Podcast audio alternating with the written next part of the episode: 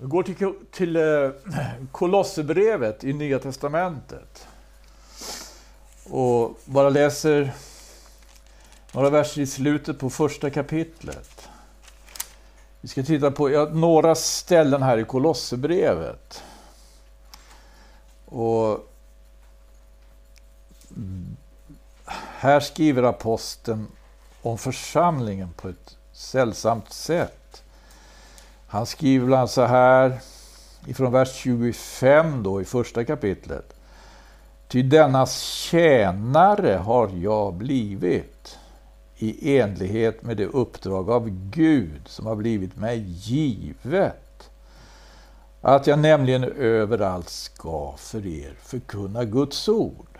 Den hemlighet som tidsåldrar och släkten igenom hade varit fördold men som nu har blivit uppenbarad för det heliga. Guds ord i vers 25, den hemlighet som tidsåldrar och släkten igenom hade varit fördold men som nu har blivit uppenbarad.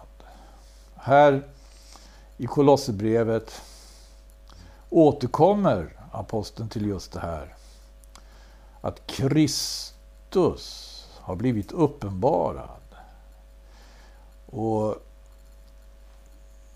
vi kan se här så är det ju eh, en enda stor tacksägelse, det här första kapitlet. En lovprisning därför att Kristus har blivit uppenbarad. För det heliga i Koloss i det här fallet då. Och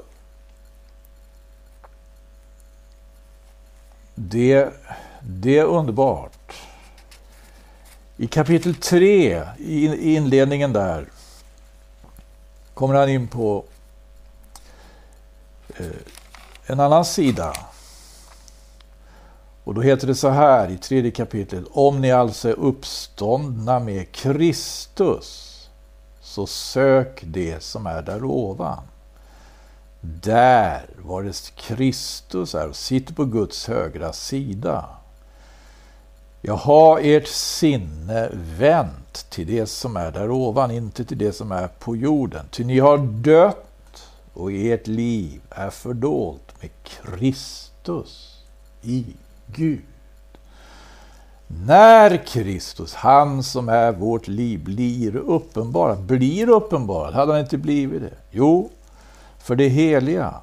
Men här talar han om den händelse då Kristus ska uppenbaras för hela världen. Det är hans tillkommelse. När Kristus, han som är vårt liv, blir uppenbara. Då ska också ni med honom bli uppenbarade i härlighet. En uppenbarelse som hade nått kolosserna en uppenbarelse som väntar, som ska komma när Herren kommer, enligt löftet.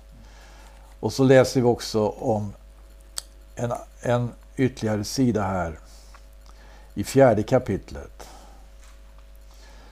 I, var uthålliga i bönen, står det här i början, och vaka i den under tacksägelse och bed jämväl för oss att Gud må åt oss öppna en dörr för ordet så att vi får förkunna Kristi hemlighet. Den hemlighet för vars skull jag också är en fånge. Jag bed att jag må uppenbara den med de rätta orden. Här handlar det om mission, evangelisation. Det är det som församlingen, vittnena är kallade att ägna sig åt. Mellan det att Kristus har blivit uppenbarad för just, för just denna skara. Om vi tar till exempel skaran i Koloss nu, som fick besök av aposteln Paulus. Ja, för honom hade Kristus uppenbarats och för de som hade kommit till tro i Koloss hade Kristus uppenbarats. Och han talar, han undervisar dem om det som ska ske i framtiden. Då ska Kristus uppenbaras, inte bara för dem, utan då ska Kristus uppenbaras för hela världen. När han kommer i härlighet.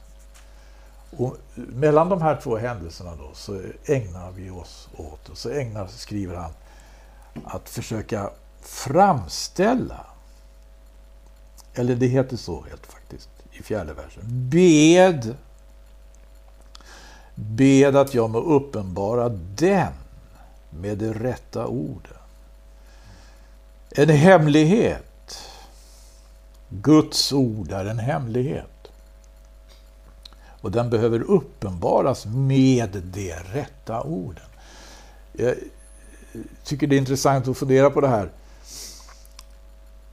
Eh, Jesus själv i Markus evangeliet funderar ju på just det här.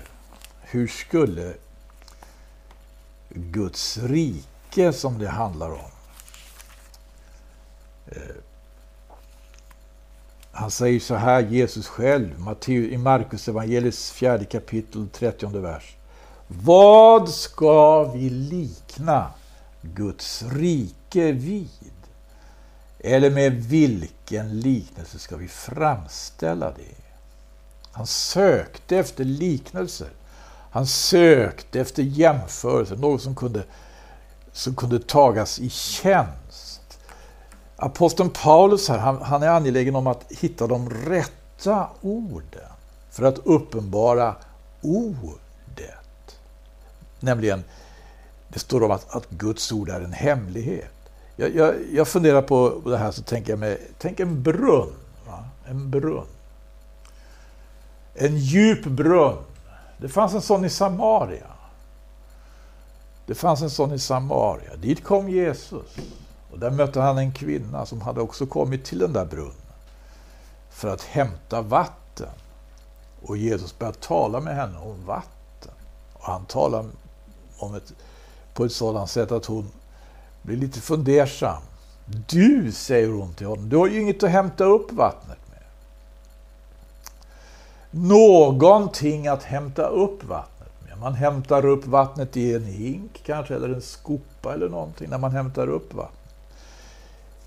Någonting av det här är förhållandet mellan eh, ordet som är en hemlighet och det rätta ordet som predi, predi, predikanten eller aposteln i det här fallet, eller vittnena så att säga söker efter. Därför att eh, det är verkligen, det, kan, det handlar om en, eh,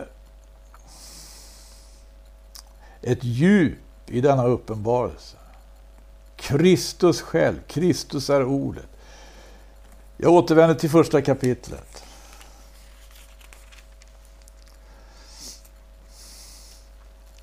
Guds ord, ja, i, i vers 25. Församlingen står i vers 24. I vers 25. Dennas tjänare har jag blivit i enlighet med det uppdrag av Gud som har blivit mig givet. Att jag nämligen överallt ska för er förkunna Guds ord. Och i vers 26. Den hemlighet. Guds ord är en hemlighet. Men, den måste, men detta måste uppenbaras med ord som inte är hemligheter. Sådana ord som är, som är redskap. Sådana ord som är Eh, instrument, kanske man kan säga, för att förmedla detta som egentligen är en hemlighet. Och det här bed, det här uppmanar han till. Bed, skriver han. Var uthålliga i bönen och vaka i den under tacksägelse. Var uthålliga i bönen och vaka i den under tacksägelse. Och bed jämväl för oss att Gud mot oss öppna en dörr för ordet, ett böneämne om något. Den tid som, som, som är mellan det att Kristus blev först predikad och trodd till dess att han kommer i härlighet. Ett böneämne, vi kan vara med, att vi kan söka efter och finna de rätta orden, de rätta eh, instrumenten, eller ska vi säga vapnen. Redskapen. Jag vet inte om vi får göra något annat den här sommaren än att bedja. Det kanske är det vi hänvisade till. Det är mycket som är så osäkert. I den tid vi lever i. Vi hör om pandemin, vi hör om kriser, vi hör om våld i vårt samhälle. Och det är naturligtvis väldigt allvarligt och angeläget att vi söker oss fram på ett sådant sätt att vi kan vara med och fullgöra det här. Så länge vi har tid och så länge vi har tillfälle. Gode Gud. Det, det är så att eh, människor hör ju av sig, har frågor. Man frågar om den här pandemin, man frågar om vaccinet och gör sig bekymmer. Eh, jag tänkte kanske knyta an till det lite grann här när jag vidare visar på just hur Guds ord är en hemlighet. Det är ganska så märkligt nämligen när vi läser hur apostlarna kämpade. Det var en väldig kamp för den här aposteln. Han som skrivit Kolosserbrevet. Han skriver så här i andra kapitlets inledning. Jag vill att ni ska veta vilken kamp jag har att utstå för er. Och för andra församlingar. Och då var det ju frågan om det. Att det fanns de som till exempelvis gick in för att eh, förvilla. Och det tog sig exempelvis det uttrycket att man kraftigt underströk vad Mose lag, Mose lag eh, uppmanade till. Det här, det var ju någonting som hade kommit från Gud. Mose fick ju sitt budskap från Gud. Men hör och häpna. Det kom alltså att bli en, en, en väldig stridsfråga. Eh, därför att eh, aposteln Paulus och hans liksinnade menade att det var ett stort missförstånd. Det var ett stort missförstånd att tillämpa så att säga, Mose budskap på ett sådant sätt. Att man sa, som de sa i, enligt Apostlagärningarna eh, kapitel 15. I 15 kapitlet i Apostlagärningarna så står det att det kom några. När aposteln Paulus var i Antiochia. Då står det så här, från Judeen kom några män dit ner och lärde bröderna så. Om ni icke låter omskära er så som Mose har stadgat så kan ni icke bli frälsta. Om ni icke låter omskära er så som stadgar, så kan ni icke bli frälsta. Och bland annat av den anledningen så, så upprepar denna, denna apostel Paulus eh, nästan samma mening när han skrivit såväl till korintierna eh, som till galaterna som till kolosserna. Vi kan till exempel gå till första Korintierbrevets sjunde kapitel.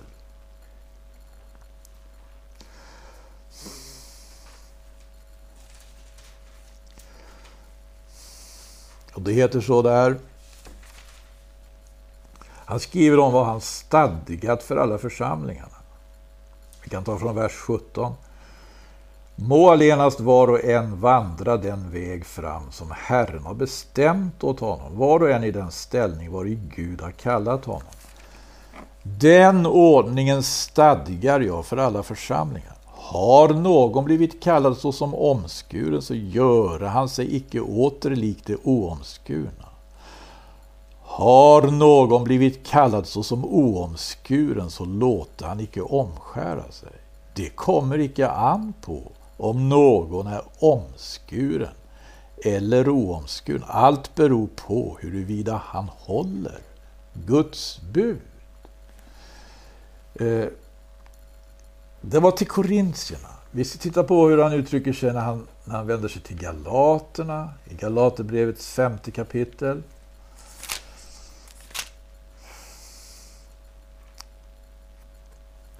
Där skriver han så här. Det är en mycket allvarlig fråga för honom det här. Och han menar att det ska vara det för, för alla kristna.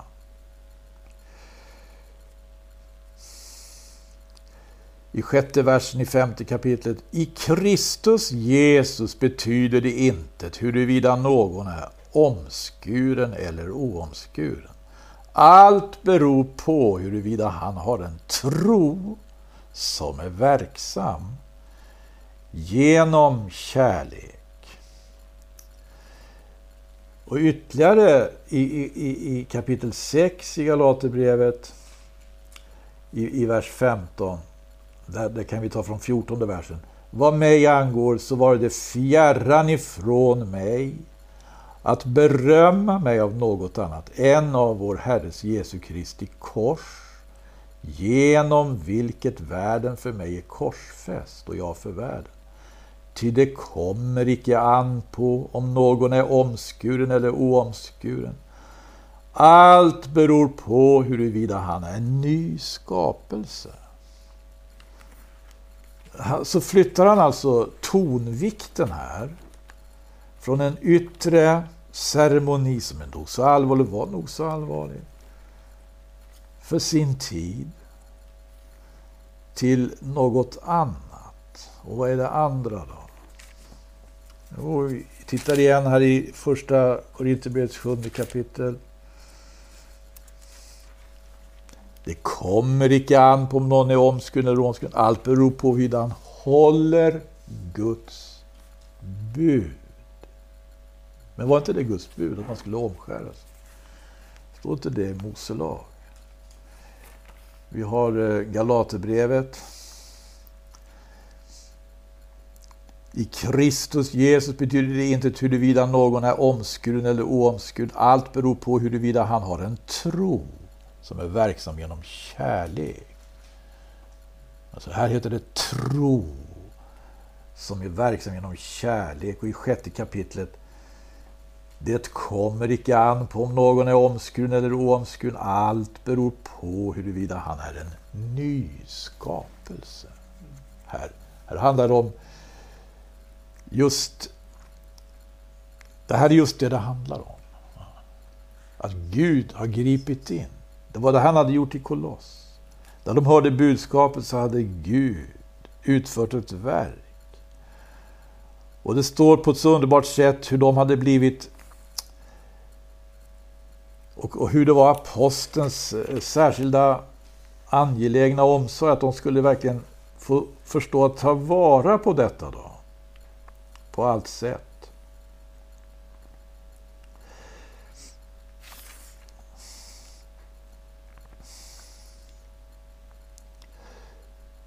Till exempel så uttrycker han sig så här. Han skriver till Kolosserna i tolfte versen i första kapitlet. Ni ska med glädje tacka Fadern som har gjort er skickliga till delaktighet i den arvslott som det heliga har i ljuset. Det är ju en märklig skicklighet. Alltså, vi, vi, har, vi, vi kan göra jämförelser med, vi har ju ljus här. Men vem kan räcka ut sin hand och ta tag i ljuset? Vem kan göra det? Varsågod, räck ut din hand och försök ta tag i ljuset. När du fattar om ljuset, när du griper tag i det, du, det, det vi uppfattar, då blir det mörker. För hela, det, det, det blir ju inget, inget ljus i handen för det. Och därför, när det kommer till att vara skick, bli skicklig, att få tag i ljuset. Det är det det handlar om när vi talar om att komma till tro. När vi talar om att komma till tro på Kristus. Bli skicklig att kunna fatta tag i ljuset. Och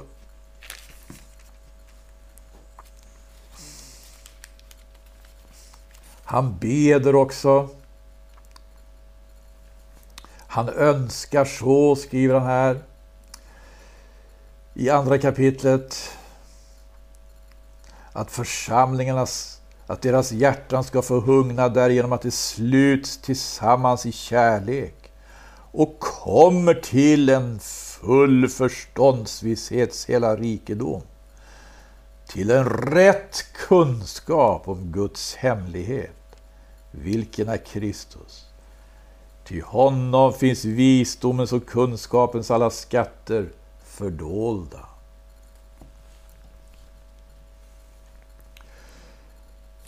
Också till kolosserna skriver han just på det här sättet. När det kommer till frågan om, om omskärelsen. Att det finns nu någonting annat att vara uppmärksam på framför allt. På ett liknande sätt så som han skriver till eh, kolosserna.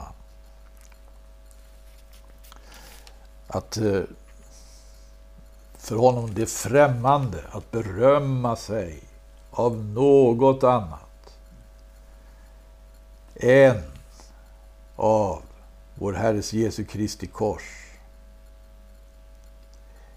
Märkligt han uttrycker sig, genom vilket världen för mig är korsfäst och jag för världen.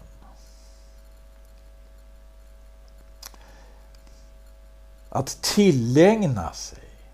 Det handlar också om det han skriver i andra kapitlet i Kolosserbrevet. Om, om omskärelsen. Så, så, då heter det så här. I elfte versen där. I honom, i Kristus har ni också blivit omskurna genom en omskärelse som icke skedde med händer en som bestod däri att ni blev avklädda er kötsliga kropp. Jag menar omskärelsen i Kristus. Ni har ju med honom blivit begravna i dopet. Ni har också i dopet blivit uppväckta med honom genom tron på Guds kraft, han som uppväckte honom från de döda. Skickliga till att få tag i ljuset döpta med ett rätt dop. Det han undervisar om här, det är ju ett rätt dop. Ett rätt dop, det är vad, vad, vad, vad omskärelsen i Gamla Testamentet talar om. Det är det som fullbordas i Nya Testamentet. Det handlar om att omskäras till sitt hjärta. En omskärelse som icke skedde med händer. Men en som bestod där i att ni blev avklädda er kötsliga kropp och det är omskärelsen i Kristus. Och jag tror till och med han uttryckligen eh, också i tredje kapitlet, ja. I tredje kapitlet i Kolosserbrevet. Jag kan läsa från nionde versen. Ni ska icke ljuga på varandra. Ni har ju avklätt er den gamla människan med hennes gärningar och iklätt er den nya. Den som förnyas till sann kunskap och så blir en avbild av honom som har skapat henne. Och därvid kommer det icke an på om någon är grek eller jude, omskuren eller oomskuren, barbar eller skyt, träl eller fri. Nej, Kristus är allt och i alla. Och till det här hör också det han skriver just här i andra kapitlet. I Kolosserbrevet. Jag kan läsa från vers 20 där. Om ni nu har dött med Kristus och så blivit frigjorda ifrån världens makt. Varför låter ni då allehanda stadgar läggas på er, liksom levde ni ännu i världen? Det ska du icke taga i. Det ska du icke smaka. Det ska du icke komma vid. Och detta när det gäller ting som alla är bestämda till att gå under genom förbrukning, allt till åtlydnad av människobud och människolära. Här, här eh, eh, i ljuset av den här undervisningen så vill jag gärna tillsammans med fundera lite grann på, på den här frågan om vaccinet. När man hör av sig till oss och är väldigt bekymrad och orolig för vad det måtte innebära. Kan man eh, se det. Därför, eh, om vi gör en jämförelse. Så kom de från Judeen, står det i Apostlagärningarnas 15 kapitel. Och så, Om ni icke låter omskära er så som Moses stadgat så kan ni icke bli frälsta. Finns det någon som säger det så här nu, om du tar den här aktuella frågan. Om ni inte vaccinerar er så kan ni icke bli frälsta. Ja, då skulle jag dra öronen åt Det skulle jag verkligen. Då skulle jag verkligen reservera jag, jag kan inte fatta annat att den här frågan om vaccinationen. Det är en medicinsk kontext i samtiden. Och jag ser det som att vara med och tillsammans med alla andra människor kämpa mot, den här, mot detta dödliga virus. Och jag gör det som kristen naturligtvis också i bön. Jag beder. Jag låter vaccinera mig. Jag har hittills inte hört någon säga att det har med min frälsning att göra. Det har jag inte. Jag har bara hört att det handlar om hälsa. Hälsa. Fysisk hälsa. Eller sjukdom. Ska vi göra ett litet... Eh, en, pröva det här lite grann då. Om vi går till igen första Korinthierbrevets sjunde kapitel.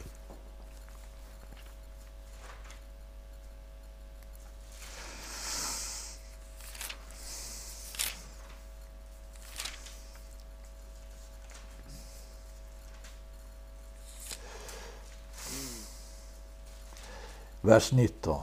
Det kommer icke an på om någon är omskuren eller oomskuren. Allt beror på huruvida han håller Guds bud. Kan jag, kan, jag göra den här, kan jag pröva det här på det här sättet? Det kommer icke an på om någon är vaccinerad eller inte vaccinerad. Allt beror på huruvida han håller Guds bud.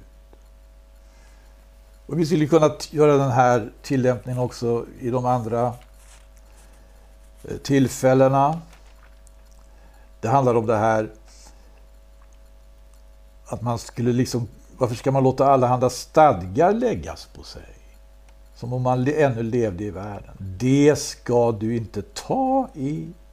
Det ska du inte smaka, det ska du inte komma vid. Jag, jag måste säga, jag, jag, jag är eh, upprörd något vis. När jag, när jag hör den här förkunnelsen, jag faktiskt, det har kommit i form av predikningar ibland. Att man ska inte låta vaccinera sig. Det, det borde ju stå var och en fritt, det tycker jag. Men när man gör en teologisk fråga av det, då tycker jag, eh, då kommer jag att tänka på den här eh, eh, anden som aposteln Paulus råkade ut för. Därför människor är ju redan prövade i vår tid. Och eh, den kristna församlingen tillsammans med andra är väldigt prövade. Det finns en ande, ska ni veta, som är av det slaget som aposteln Paulus eh, märker ut här i, i Filipperbrevets första kapitel. Där han skriver Somliga finns väl också som av avund och trätlystnad predikar Kristus. Men det finns också andra som gör det av god vilja. Dessa senare gör det av kärlek, eftersom de vet att jag är satt till att försvara evangelium. Det förra återförkunnar Kristus av genstridighet, icke med rent sinne, i tanke att det ska tillskynda mig ytterligare bedrövelse i mina bojor. Att predika att man inte ska ta vaccinet av teologiska skäl. Jag, jag, jag tycker jag upplever något, någonting av den här anden. Alltså, som vill tillskynda ytterligare bedrövelse. För människor som redan är bedrövade.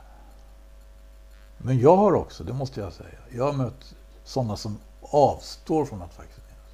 Som jag har väldigt respekt för. Det har jag.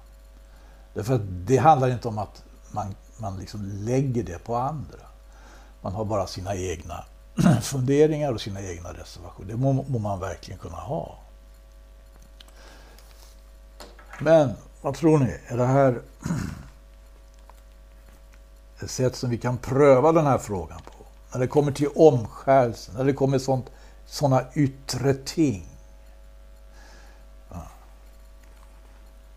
Att man vill eh, liksom binda människor.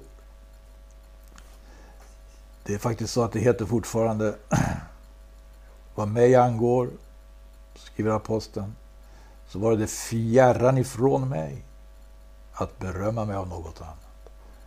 En av vår Herres Jesu Kristi kors, genom vilket världen för mig är korsfäst och jag för världen.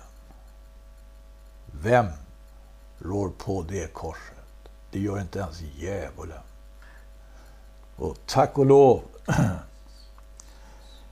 att det får vara den berömmelse vi söker. Och den berömmelsen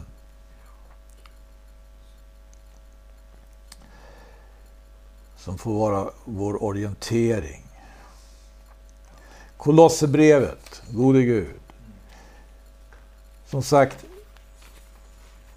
så undervisar aposteln här också att just det här, det, han ut, det, det uttrycks ju så väldigt fint. Hur vi tillägnar oss detta oerhörda det som Gud har fullgjort, fullbordat för oss i Kristus. Och skicklighet till delaktighet i den arvslott som det heliga har i ljuset. Ett dop. En bön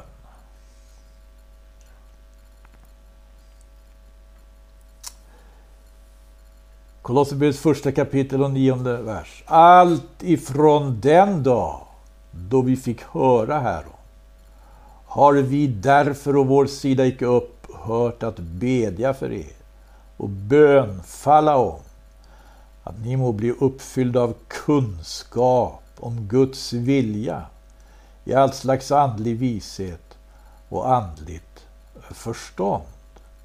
Den här aposteln, det han levde i, det han rörde sig i.